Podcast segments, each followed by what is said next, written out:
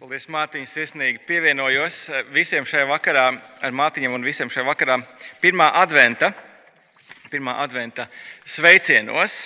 Um, Mārtiņš gan to neminēja pašā sākumā, bet jūs jau zinat, ka no šodienas, no šodienas tiešām oficiāli drīkst klausīties Ziemassvētku mūziku.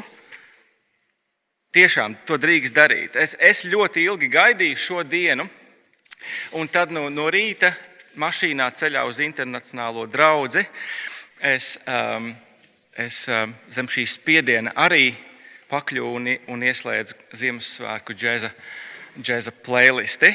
Un, um, un bija jauki. Uh, redziet, mēs šajā adventu, adventa laikā, šajās četrās nedēļās, um, mēs, mēs um, mūsu adventu laiku arī ieskandinās mūzika bet, bet tā nebūs vismaiga saksofona mūzika Ziemassvētku džēza playlistē.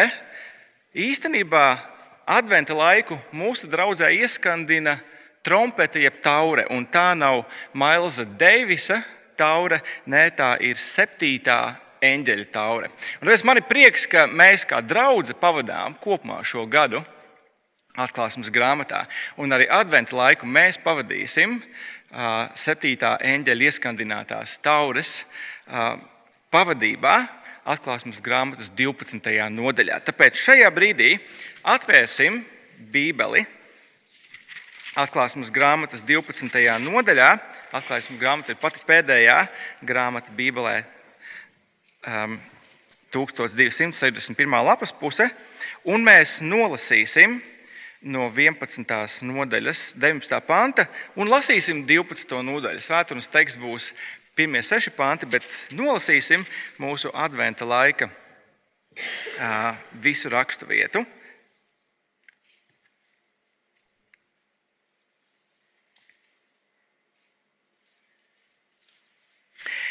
Debesīs parādījās liela zīme, tas atvainojas, un Dieva templis debesīs atvērās un viņa templī bija redzams viņa derības šķirsts. Tad sākās zibeņi, balsis, pērkoni, zemestrīce, milzīga krusa. Debesīs parādījās liela zīme. Sieviete tēpta saulē, mēnesis zem viņas kājām, un galvā viņai vainags no 12 zvaigznēm. Viņa ir grūta un sāpēs kliedz, ciešot dzemdību mokas. Un parādījās cita zīme debesīs, redzi, liels ugunīgs pūķis ar septiņām galvām un desmit ragiem. Un uz viņa septiņām galvām septiņas diadēmas. Viņa aste velk no debesīm trešdaļu zvaigžņu un met, met tās uz zemi. Pūķis nostājās priekšā sievietei, kas gatavojās dzemdēt, lai tad, kad viņa būs dzemdējusi bērnu, aprītu un viņa dzemdē dēlu, vīru, kas visus pagānus ganīs ar dzelzs zizli. Un viņas bērns tiek aizrauts pie dieva un pie viņa troņa. Bet sieviete aizbēg tuksnesī, kur viņai ir dieva sagatavota vieta, lai tur viņu uzturētu 1260 dienas. Izcēlās karš debesīs Mihēls un viņa eņģeļi sāka karu ar pūķi. Un pūķis un viņa eņģeļi karoja. Bet viņam nepietika spēka, un tie zaudēja savu vietu debesīs. Milzu pūķis tika satriekts sensenā čūska, ko sauc par velnu un sātanu, kas maldina visus pasaules iedzīvotājus. Viņš tika nomests, un līdz ar viņu nomesti viņa eņģeļi. Tad es dzirdēju skaļu balsi debesīs. Ir atnākusi pestīšana, mūsu Dieva spēks un valstība un viņa Kristus vara. Jo ir nomests mūsu brāļu apsūdzētājs, kas apsūdzēja tos mūsu Dieva priekšā dienām un naktīm. Viņi uzvarēja to ar jēra asinīm un savas liecības vārdiem, jo viņi neturēja savas dzīvības mīļas un devās pat nāvē. Tādēļ līksmojieties debesis, un tie, kas tajās mājo, vai zemei un jūrai, jo velns ir nokāpis pie jums. Viņš ir dusmu pilns, zinādams, ka laika viņam ir maz. Kad puķis redzēja, ka ir nomests uz zemes, viņš sāka vajāt sievieti, kas bija dzemdējusi dēlu. Sievietē, sievietē bija divi varani ērgļu spārni, lai viņa varētu aizlidot tuksnesī uz vietu, kur viņa būtu drošībā prom no čūskas klātbūtnes veselu laiku, divus laikus un puslaiku. Sievietei pakaļ čūska izšļāca ūdeni kā upi, lai upes ūdens viņu aizskalotu. Bet zeme nāca sievietei palīgā, atvēra savu muti un izdzēra upi, ko pūķis bija izšļācis no savas mutes. Tad pūķis, sadusmots par sievieti, devās projām, lai sāktu karu ar tiem pārējiem no viņas dzimuma kas ievēro dieva baušļus. Un tur Jēzus liecību. Tas ir kunga vārds. Pirms mēs šajā pirmajā adventā ielūkojamies tajā pirmajos sešos pantos, lūksim, lūksim, viņa, lūksim viņa palīdzību.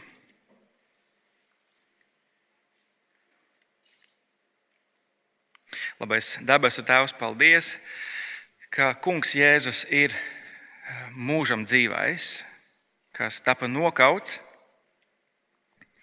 kas mūsu sev ir atpircis un padarījis mūs par taviem bērniem, par tavas ganības avīm, kas gana mūs arī šodien. Mēs tev pateicamies par šo laiku, kurā tu mums īpaši atvēli domāt par Jēzu, par to, kas viņš ir, par to, ko viņš ir izdarījis, par to, kas mēs esam viņā pateicoties tev. Kungs, mēs lūdzam, ka tu padari mūsu, mūsu pārdomas auglīgas šajā, šajā vakarā. Palīdz kungs mums ar savu garu, palīdz man tavu vārdu pasludinot, darīt to uzticami un skaidri. Jēzus vārdā Āmen. Adventa laiks šogad tik tiešām ir citādāks. Jā, salīdzinot ar pagājušo gadu, mēs bez ierobežojumiem, mēs bez maskām šeit varam sanākt kopā. Bet vēl adventa laiks šogad ir citādāks, jo ir pasaules kausa futbolā. Es saprotu, ka Latvija nav gluži futbola lielvalsts. Varbūt tāpēc mēs šī turnīra klātbūtni tik, tik dzīvi neizjūtam. Vismaz iespējams, ka lielākā daļa no mums. Bet paklausoties savu amata brāļu um, stāstos, piemēram, Anglijā, ir sajūtama cita noskaņa. Es pat teiktu, ir sajūtams izmisums. Formos parādās satraukti jautājumi, vai šajā adventa laikā baznīcām būtu jākonkurē ar pasaules kausa futbolā. Kā noturēt baznīcā vīrusu un nepazaudēt šajā kosmiskajā konfliktā starp sakrālo un laicīgo?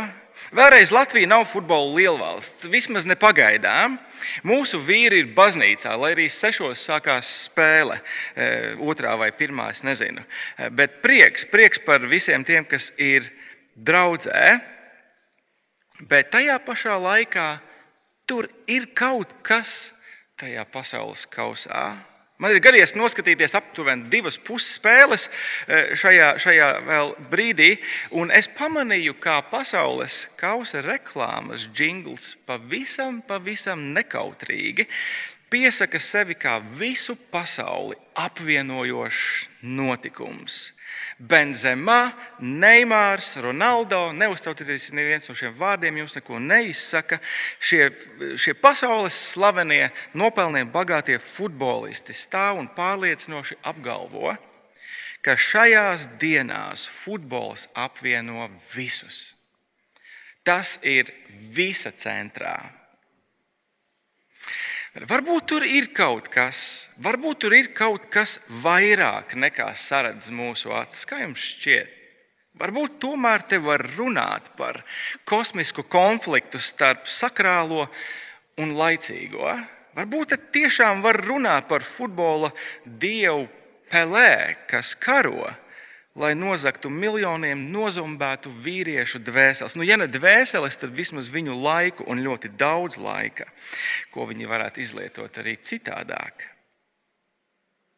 Lai katru būtu ar pasaules kausu, šajā adventā mēs tiešām domāsim par kosmisku konfliktu par kosmisku konfliktu no atklāsmes grāmatas 12. nodaļas. Konflikts nav viss starp futbola dievu un miljoniem vīriešu. Tas ir starp šīs pasaules dievu, sātanu un radītāju dievu un viņa cilvēkiem. Bet atšķirībā no pasaules kausa organizētājiem, apustulis Jānis grib, lai dieva cilvēki ļoti skaidri zina, ar ko viņiem ir darīšana. Lai nekas nespēja aizmiglot viņu acis, lai viņi, Jānis grib, lai draudzes zina, ka aiz tās dažāda veida ciešanām, aiz tās dažāda veida cīņām un kārdinājumiem šajā pasaulē stāv reāls, ļauns spēks, persona, vēlns. Un Jānis dara mums zinām šo apslēpto garīgo realitāti, bet nevis lai mēs kristu tādā bezcerīgā izmisumā, bet gan lai mēs būtu droši, ka visa centrā ir Dievs, visa centrā ir Viņa Kristus. Bet, lai mēs to ieraudzītu, mums ir jāizdara viena lieta. Mums ir jāieiet kopā ar Jāni viņa vīzijas pasaulē. Es domāju, ka tas mums nebūs tik sarežģīti, ņemot vērā, ka mēs to esam raduši darīt savā Bībeles studiju grupās. Nu, dien šis advents būs citādāks. Mēs visi neceļosim kopā ar Jāzepu un Mariju Ezelīšu mugurā uz Jeruzalemi. Mēs dosimies ceļā kopā ar Jāni viņa, viņa redzētajā vīzijā. Tā aizvedīs mūs Dieva klātbūtnē, debesu svētnīcā. Kāpēc? Lai mēs gūtu svaigu pārliecību par to, kas ir visa centrā, kam pieder pēdējais vārds. Skatieties, 11. nodaļas 19. pantā, lūk, arī mēs ieceļojam. Jānis ieaicina mūsu vīzijā un Dieva templis debesīs atvērās. Un viņa templī bija redzams viņa darbības šķirsts, tad sākās zibeņa balsis, pērkonis, zemestrīce, milzīga krusta. Jānis saka, lai kas notiktu ar draugu šajās dienās, mēs droši zinām, ka Dievs ir tepat. 19. pāns saka, Dievs ir tepat. Derības šķirsts ir Dieva uztici, uzticamā klātbūtne, viņa, viņa apņēmība glābt cilvēkus personiski. Un zibeņa pērkona zemestrīce, milzīgā krusta, Bībelē allaž liecina par to, ka Dievs ir tepat. Dievs ir līdzās.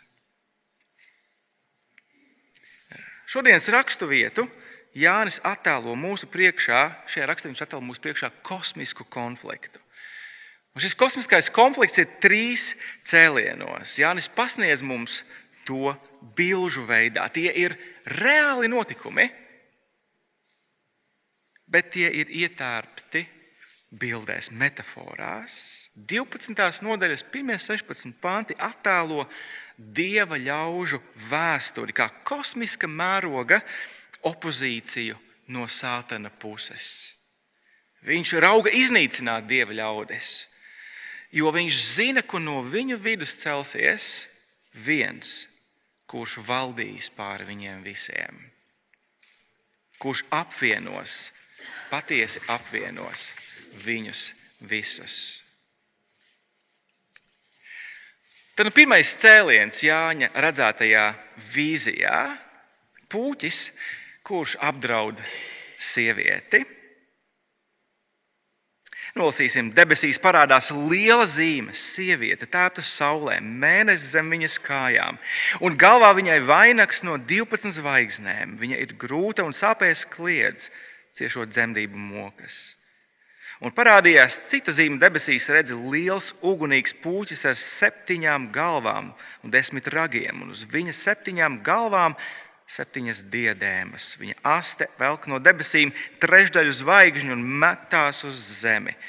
Pūķis nostājās priekšā sievietei, kas gatavojas dzemdēt, lai tad, kad viņa būs dzemdējusi, bērnu aprītu. Kaut kad pagājušajā nedēļā es sazinājos ar ar Undīni par to, kāds varētu būt adventa sērijas vizuālais noformējums priekš sociālajiem tīkliem. Un es, es iedevu viņai visu četru nedēļu virsrakstus, un, un es apstā, apstāstīju divos vārdos, par ko būs runa katrā no nedēļām. Un tikai tad, kad es noliku klausuli, es sapratu, cik ironiska mūsu saruna ir bijusi. Stāstu par puķi, kas vajās sievieti stāvoklī, lai aprītu viņas bērnu. Es nu pats stāstīju sievietei, kas ir stāvoklī, viena pati slimnīcā, un tagad lasīs atklāsmes 12. nodaļu par puķi, kas, kas vajā sievieti stāvoklī un grib, grib aprīt viņas bērnu. Un saprotams, ka es sāku nedaudz satraukties, un es ļoti cerēju, ka, ka Undīna nesatraucās. Bet, draugi, tas tikai nozīmē, cik svarīgi mums ir saprast, valodu, kādā Jānis runā. Viņš šeit apraksta kosmisku konfliktu starp sātanu un dieva ļaudīm visas vecās derības laikā. Nu, varbūt iepazīsimies ātri ar tēliem. Daži no tiem ir vienkāršāk atšifrējami, bet citi netik vienkārši. Pūķis, pūķis nav tik sarežģīts, tāpēc, ka mēs nolasījām visu mūsu raksturvietu, ieskatieties 9. pantā, pūķis tiek skaidri atklāts mums mēs ieraugām, ka milzu puķis ir neviens cits kā senā čūska. Jā, tā pati čūska ēdienas dārzā, jā, tas ir velns, jā, tas ir sātans. Arī bērns ir zināms un, un, un nav pārāk grūti atšifrējams. Bērns ir neviens cits kā Jēzus. Piektais pants mums to nodod un ved mūs atpakaļ uz otro psalmu, ko mēs pēc brīža nolasīsim. Tas ir Jēzus, tas ir Dieva iecerētais, ieceltais valdnieks. Bet sieviete, kas ir sieviete 12. nodaļā? Skaidrs, ja mēs zinām evanģēlis, ja mēs zinām Bībeli, šis stāsts mums kaut ko atgādina pareizi. Kādi teiks, jā, bet šeit tik zīmīgi, tik zīmīgi šķiet, ka tā vien ir Marija. Tā ir Marija. Nu, kam citam varētu piedzimt cilvēku bērns? Skaidrs, ka sievietei, un tā ir Marija. Citi, citi paplašinot apvārsni, saka, nu nē, man šķiet, ka šeit tomēr ir runa par kaut ko grandiozāku. Šeit varētu būt runa par Ievu. Ievu un viņas viņai apsolīto pēcnācēju. Pirmajā mūzes grāmatā, trešajā nodaļā, Dievs apsolīja Ievai, ka viens no viņas dzimuma būs tas, kurš sadragās čūskas galvu, jeb, jeb iznīcinās vēlna varu. Tiesa rakstos mēs bieži ieraugām atblāzmas, mēs ieraugām zīmīgas paralēles Draugi, bet tā viens šķiet, ka Jānis vēlas vēl vairāk paplašināt mūsu apvārsni. Vai ievērojāt, kā Jānis apraksta sievieti? Pirmajā pantā ieskatieties, debesīs parādījās liela zīme, sieviete tērpta saulē, mēnesis zem viņas kājām, un galvā viņai vainags no 12 zvaigznēm. Tas ir neapšaubāmi skaists veids, kā aprakstīt sievieti, bet atzīsiet, neparasts veids. Vai drīzāk Jānis nevērš mūsu uzmanību uz kaut ko citu?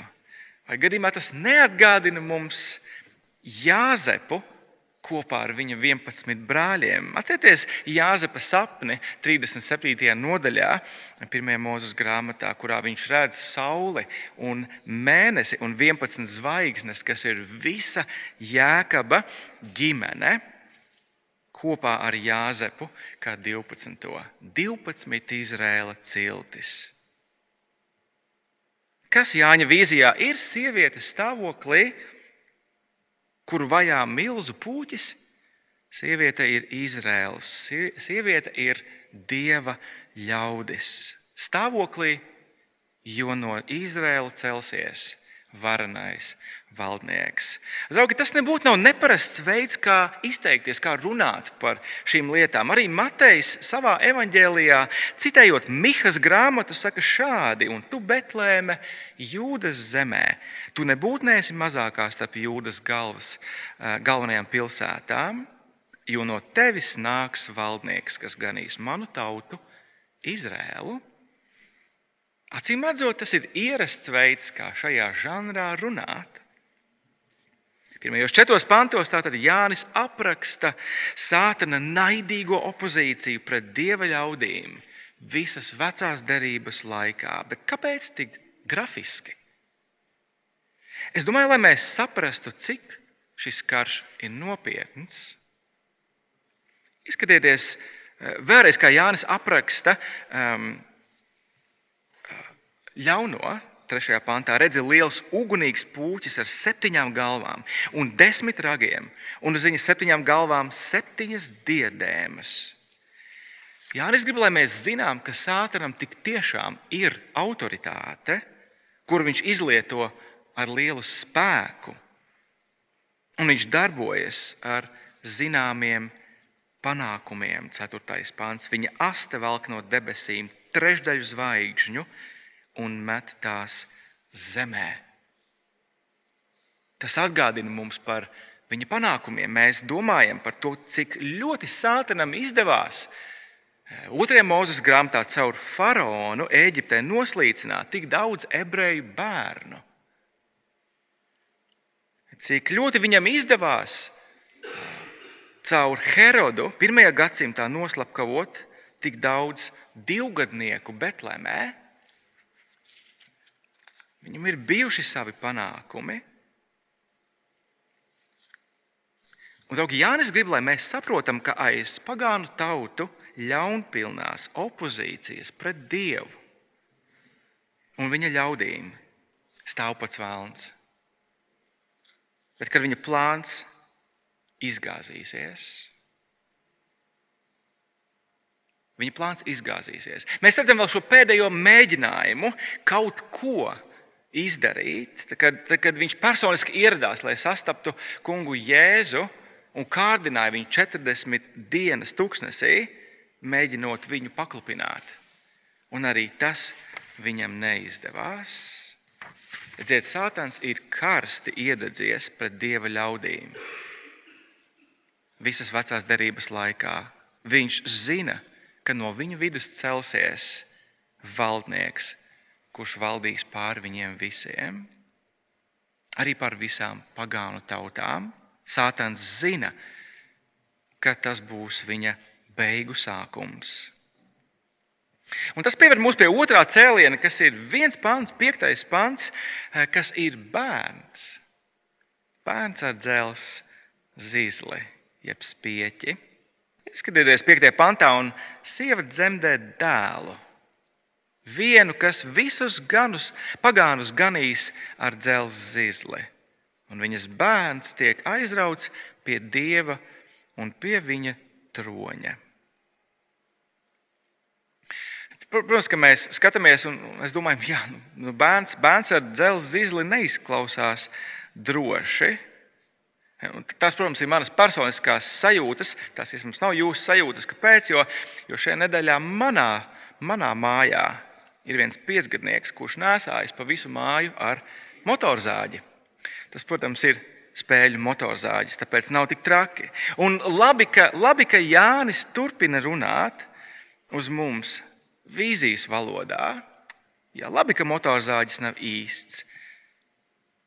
Nedz arī zīzlis ir no dzelzs.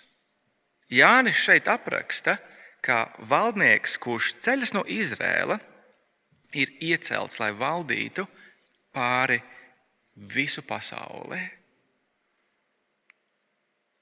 Jā, šis iespējams ir visīsākais Jēzus dzīves apraksts visā Bībelē. Sākumā šķiet, ka piektais pants viscaur runā par, par bērnu, tāpēc tas ir nedaudz mulsinošs. Bet faktiski piektais pants runā par visu Jēzus dzimšanu, nāvi augšām celšanos un atpakaļ došanos pie tēva. Īsākais Jēzus dzīves apraksts visā Bībelē. Ko Jānis ar to grib pateikt? Lai kā Sātans nopūlētos, viņš nespēja sagraut dieva nodomu. Dieva valdnieks nāca pasaulē, Dieva valdnieks nodzīvoja pilnīgu dzīvi, nomira pilnīgā nāvē, un viņš tagad valda godībā pār visām tautām. Pat Jēzus nāve netiek pasniegta kā sātana daļēja uzvara šeit. Tāpat netiek īsti nosaukta un pieminēta. Vienīgais, kam ir nozīme, ir, ka Jēzus ir Dieva ieceltais valdnieks. Nepārprotama norāde uz otro psalmu. Jums ir rāti pirksti, otrajā psalmā mēs lasām šādu pasludinājumu no 7. panta. Paudīšu kunga lēmumu. Viņš sacīja man, tu esi mans dēls, šodien es tevi dzemdināju. Lūdz mani, un es došu tev tautas par īpašumu, mantojumu, par īpašumu pasaules malas. Tu tās satrieksi ar dzels spieķi, kā podu tās šķepelēs sadauzīsi. Bērns, kurš ganīs tautas ar dzelzceļa izlai, dieva ieceltais valdnieks. Vai tas, nav, vai tas nav viens no neparastākajiem Jēzus dzimšanas stāstiem, kādu jūs esat dzirdējuši? Šajā adventā mēs nevis ceļojam uz Jeruzalemi kopā ar Jāzepu, Mariju, ar Jēzus bērniņu punciju, bet mēs ielūkojamies aiz debesu priekškara, mēs ielūkojamies garīgajā telpā. Jānis grib, lai mēs aiz Jēzus pasaulē nākšanas notikuma saskatām vērienīgu kosmisku konfliktu, sātana naidpilno opozīciju pret dieva cilvēkiem un pret dievu valdnieku Kristu. Un lai arī viņš pasniedz mums šīs lietas citādākā veidā, citādāk, jautājums, ko viņš uzdod mums caur šo, ir tas pats. Ko tu iesāksi ar šo bērnu? Cits apraksts, tas pats jautājums. Redziet, nedaudz romantiskā Jēzus dzimšanas stāsta lasījuma laikā no evaņģēlija. Baznīcā puse parasti iesnaužās, jo ir tumšs, un ir eglīte, un ir svecītes, un ir silti, un viss ir tik jauki. Bet es domāju, ka neviens īsti nevar iesnausties lasījumā no atklāsmes grāmatas. Vismaz no rīta, kad mēs ar bērniem lasījām šo nodaļu pie brokastu galda visa uzmanība bija pievērsta, jo galu galā runa ir par puķi. Galu galā ir runa par to, kā viņš grib apēst bērnus. Nu, vismaz vienu no viņiem. Un viņu uzmanība bija pilnīga. Un, draugi, tas ir tas, ko Jānis grib izdarīt. Viņš, viņš grib, lai caur um, Kristus vēstījumu draudzēji, atklāsmes grāmatā, viņa klausītāji tiek uzmodināti Viņa uzmanība ir pievērsta tam, ko viņi dzird. Jēzus dzimšanas stāstā no atklāsmes grāmatas nav pilnīgi nekā romantiska. Nu, nedz arī no evaņģēliem to starp. Tas ir iespaidīgākais notikums, kādu cilvēce ir piedzīvojusi. Piektā pantā bērns ar dzelzceļa zizli ir otrā psalma valdnieks kurš svin uzvaru pār sāteni, kurš svin uzvaru pār dumpīgajām pasaules tautām un sātena pakalpiņiem. Gan pirmajā, pirmā gadsimta Romu, gan 21. gadsimta Krieviju un citām tautām. Pēc 5. panta mēs redzam, labi, labi bērns ir drošībā. Sātans nespēja iznīcināt dieva ļaudis vecajā derībā. Pirmajos četros pantos. Sātans neko nespēja izdarīt dieva valdniekam, Kristum, viņa zemes dzīves laikā, piektajā pantā. Bet kas notiek ar sievieti? Tas pieved mūs pie trešā cēliena, trešās ainas Jāņa vīzijā. Sieviete aizbēg no pūķa. Bet sieviete aizbēg tuksnesī, kur viņai ir dieva sagatavota vieta, lai tur viņu uzturētu 1260 dienas. Jānis noslēdz šeit drāmu trīs cēlienos ar aprakstu par to, kā Dievs uztur savus ļaudis atlikušajā laikā. Tas ir tas, ko mēs tikko nolasījām.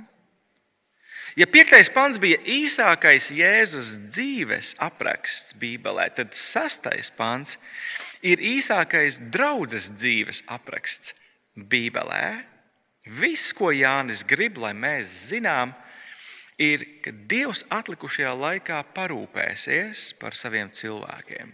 Ka Dievs atlikušajā laikā uzturēs savus ļaudis. Dievs brīnumaini uzturēs savus ļaudis jaunās derības laikā tāpat, kā viņš to darīja ar Izraēlu tuksnesī. Tuksnesis bija drošā vieta, kurā Izraels nonāca pēc iziešanas no Eģiptes verdzības.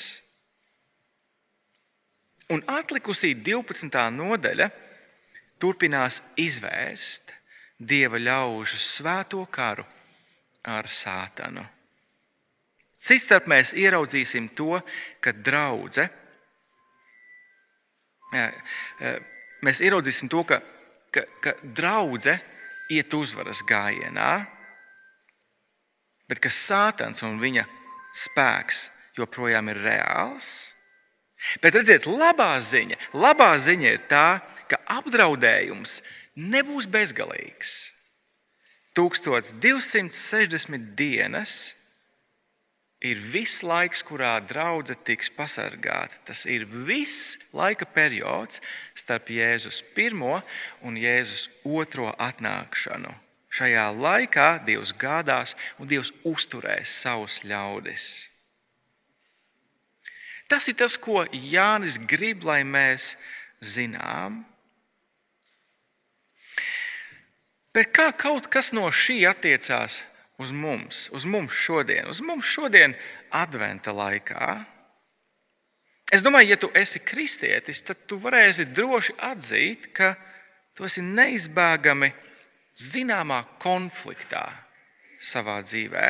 Tu to izjūti. Apostols Pāvils savā vēstulē pauž to, ka kristieši, gan individuāli, gan kā draugi, ir ierauti pastāvīgā konfliktā kas atrodas pastāvīgā, garīgā karastāvoklī.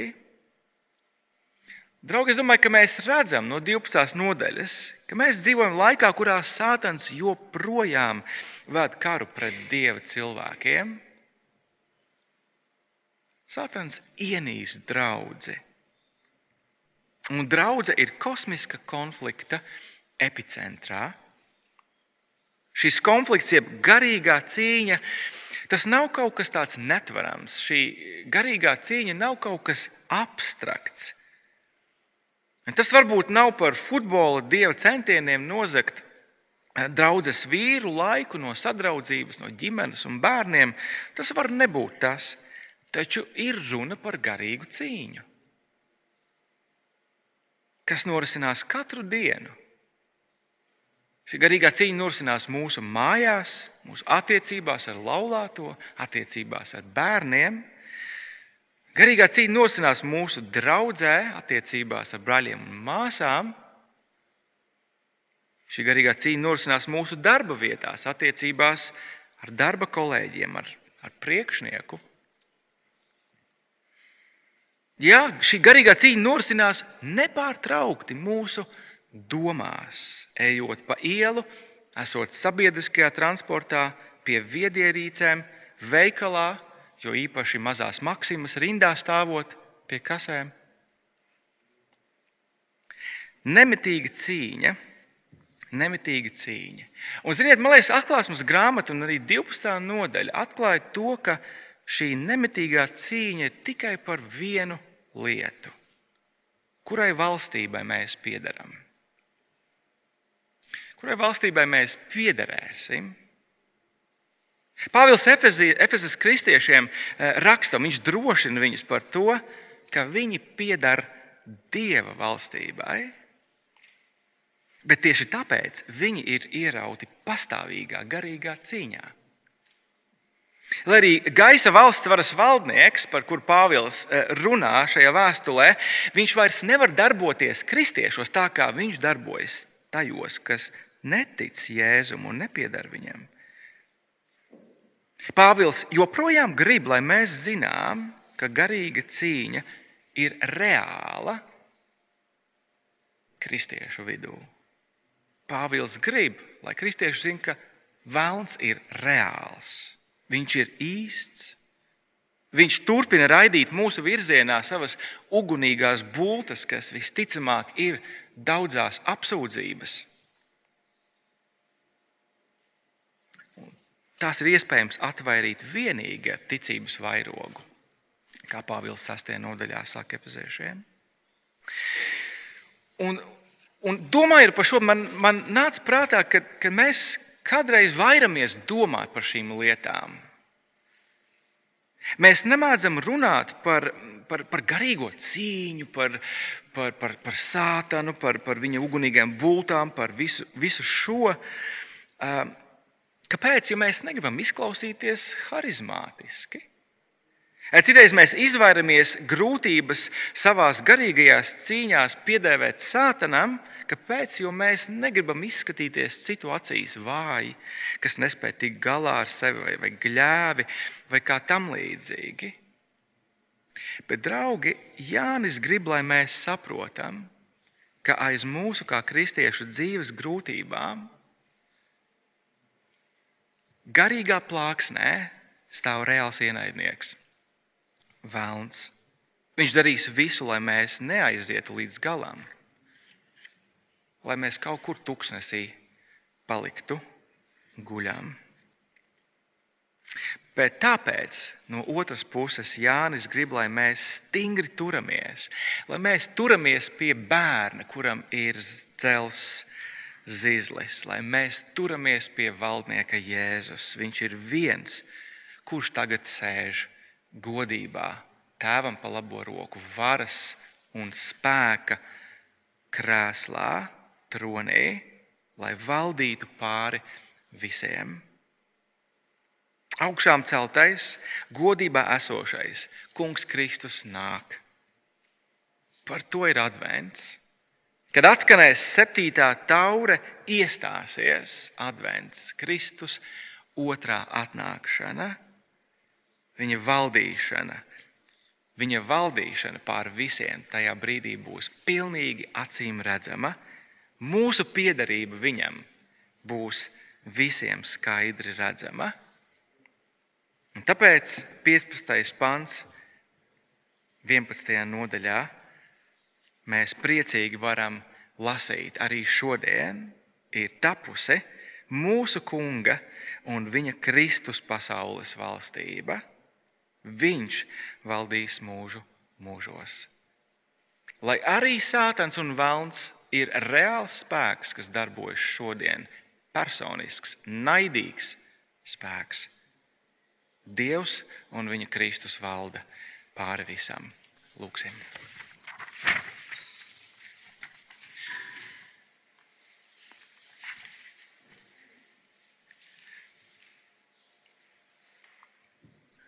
Labais debesu Tēvs, paldies, ka šajā adventā mēs varam domāt par Jēzu un Jēzus pasaulē nākšanu no pilnīgi cita skatu punkta. Mēs Tev pateicamies par Tavu kalpu, apakstuli Jāni. Paldies par viņam atklāto atklāsmes grāmatā, par redzējumu par valdnieku Jēzu, kura valstība, valdīšana būs mūžīga. Un, kungs, mēs lūdzam, ka to arī mūsu šajā adventa laikā var arī pamodināt, pamodināt garīgai realitātei, kurā mēs skaidri zinām, ka mūsu kristiešu dzīve un tās dažādas grūtības, cīņas, kārdinājumi, aiz tām ir reāla opozīcija un reāls ienaidnieks. Kungs palīdz mums to apzināties, nevairīties, nebēgt no tā, bet vienlaikus varenais kungs, palīdzi mums paļauties uz Jēzu. Jēzus pasaulē nākšana, dzīve, nāve, augšām celšanās un došanās godībā ir tava varnā uzvara. Tu esi valdnieks, un mēs piedaram tev. Mēs slavējam tevi. Amen.